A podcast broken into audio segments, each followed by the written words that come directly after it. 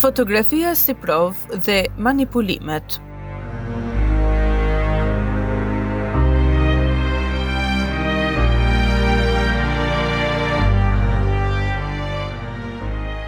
Që në vitet e para, në drejtorinë e sigurimit të shtetit, sektorit të fotografimit dhe filmit sekret, iu kushtua një vëmendje e posaçme. Përmes teknikave që zhvilloheshin nga viti në vit, siguroheshin fotografi dhe filmime që më vonë përdoreshin si provë në gjyq a material shtrëngues në hetuesi.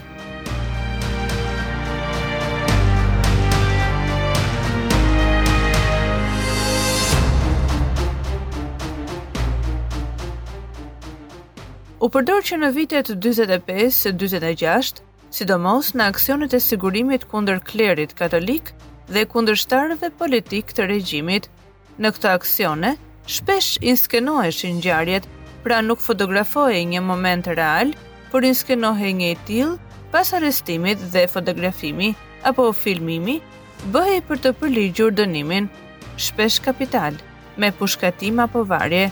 dhe duke nxitur urrejtjen popullore.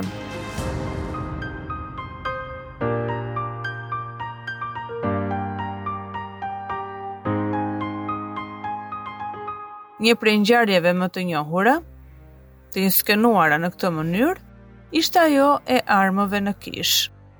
Me ardhjen e këshilltarëve sovjetikë dhe me ndikimin e tyre në metodat e punës së sigurimit të shtetit, filmimi dhe fotografimi sekret u perfeksionuan më tej.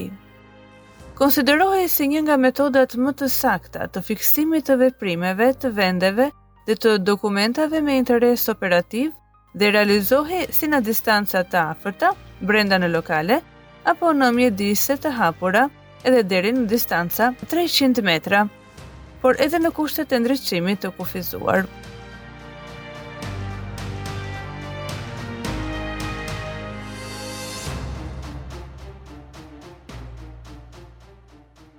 Punën kryesore në këtë sektor e bënin punëtorët operativë ilegalë, të cilët pajiseshin me aparate të llojeve të ndryshme fotografike, shpesh të maskuara në trup.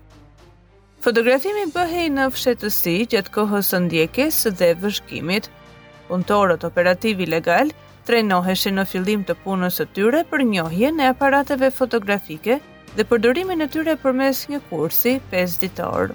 ndërsa një laborator i mirëpajisur ishte ngritur në një prej bazave sekrete të sigurimit në kryeqytet, baza 71, ku fotografitë dhe filmimet përpunoheshin në kohë rekord.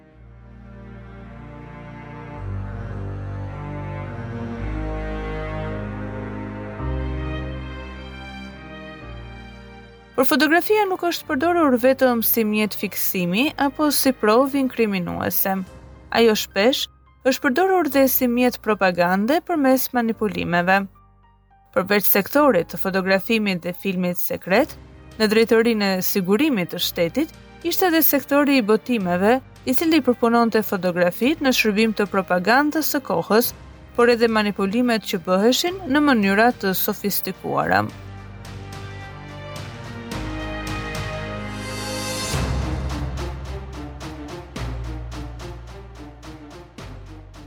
Manipulimi ndodhte kur në foto gjendej një armik. Fushatat e manipulimit dhe spastrimit ndizeshin kryesisht pas zbulimit të grupeve armiqësore, si në ushtri, në ekonomi, në kulturë, në Ministrinë e Brendshme e të tjerë.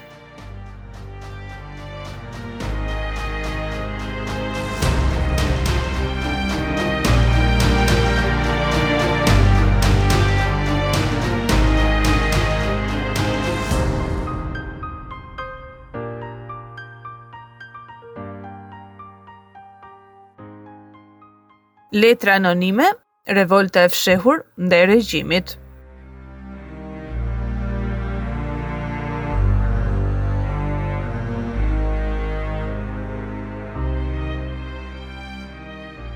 Letrat anonime ishin një formë e qartë dhe e hapur e shprehjes së revoltës ndaj regjimit diktatorial për kushtet e vështira të jetesës, pakënaqësitë, mungesën e lirisë e të tjerë. Përgjatë gjithë viteve të regjimit komunist, ky fenomen ka qenë i pranishëm edhe në fokusin kryesor të sigurimit të shtetit për të zbuluar armiqtë e partisë. Në këto letra, të pakënaqurit guxonin të shanin edhe vetë Enver Hoxhën, madje ndonjëherë duke i shkruajtur direkt atij. Disa prej këtyre letrave ishin të sofistikuara, me shkrim të ngatërruar, me shkronja kapitale, pa dhënë asnjë adresë apo indikacion që të zbulohej. Por në raste të tjera, edhe pse letra ishte anonime, ato niseshin nga posta e qytetit dhe rrethi për zbulimin e autorit ngushtohej dhe hetimi bëhej më i lehtë për agjentët e sigurimit.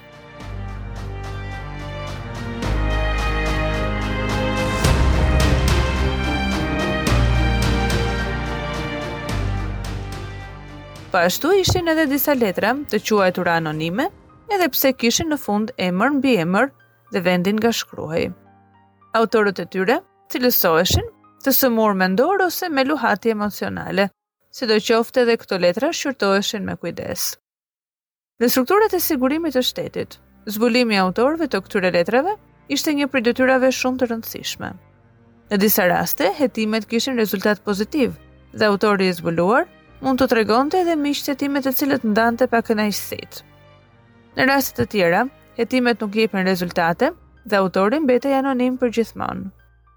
Studimi i këtyre letrave që ruhet në fondet arkivore të arkivës së Ministrisë së Brendshme, dëshmon gamën e gjerë të pakënaqësive të shqiptarëve në regjimin komunist, të cilët përmes kësaj forme kishin gjetur mundësinë të shpreheshin pa doreza duke i shpëtuar akuzës për agjitacion propagandë.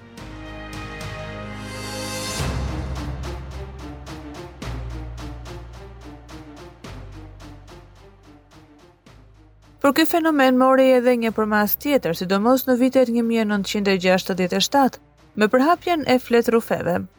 Letrat anonime për sulme personale shpesh në formë hakmarrje denonconin tek udhëheqësit e partisë persona të caktuar dhe ndryshe nga fletrufet, ku dihej kush ishte autori, në fletrufe denoncimi ishte i fshehtë. Prej kësaj doli edhe shprehja e famshme e asaj periudhe. Një anonime poshtë derës. Por në të gjitha format, letrat anonime ishin një mjet i dashur i regjimit, që shpesh përdoreshin për të kontrolluar humorin e popullsisë dhe për të gjetur gjurmë të kundërshtarëve kur ishte e mundur. Jeta e shqiptarëve në komunizëm. një produksion i podcaste.com.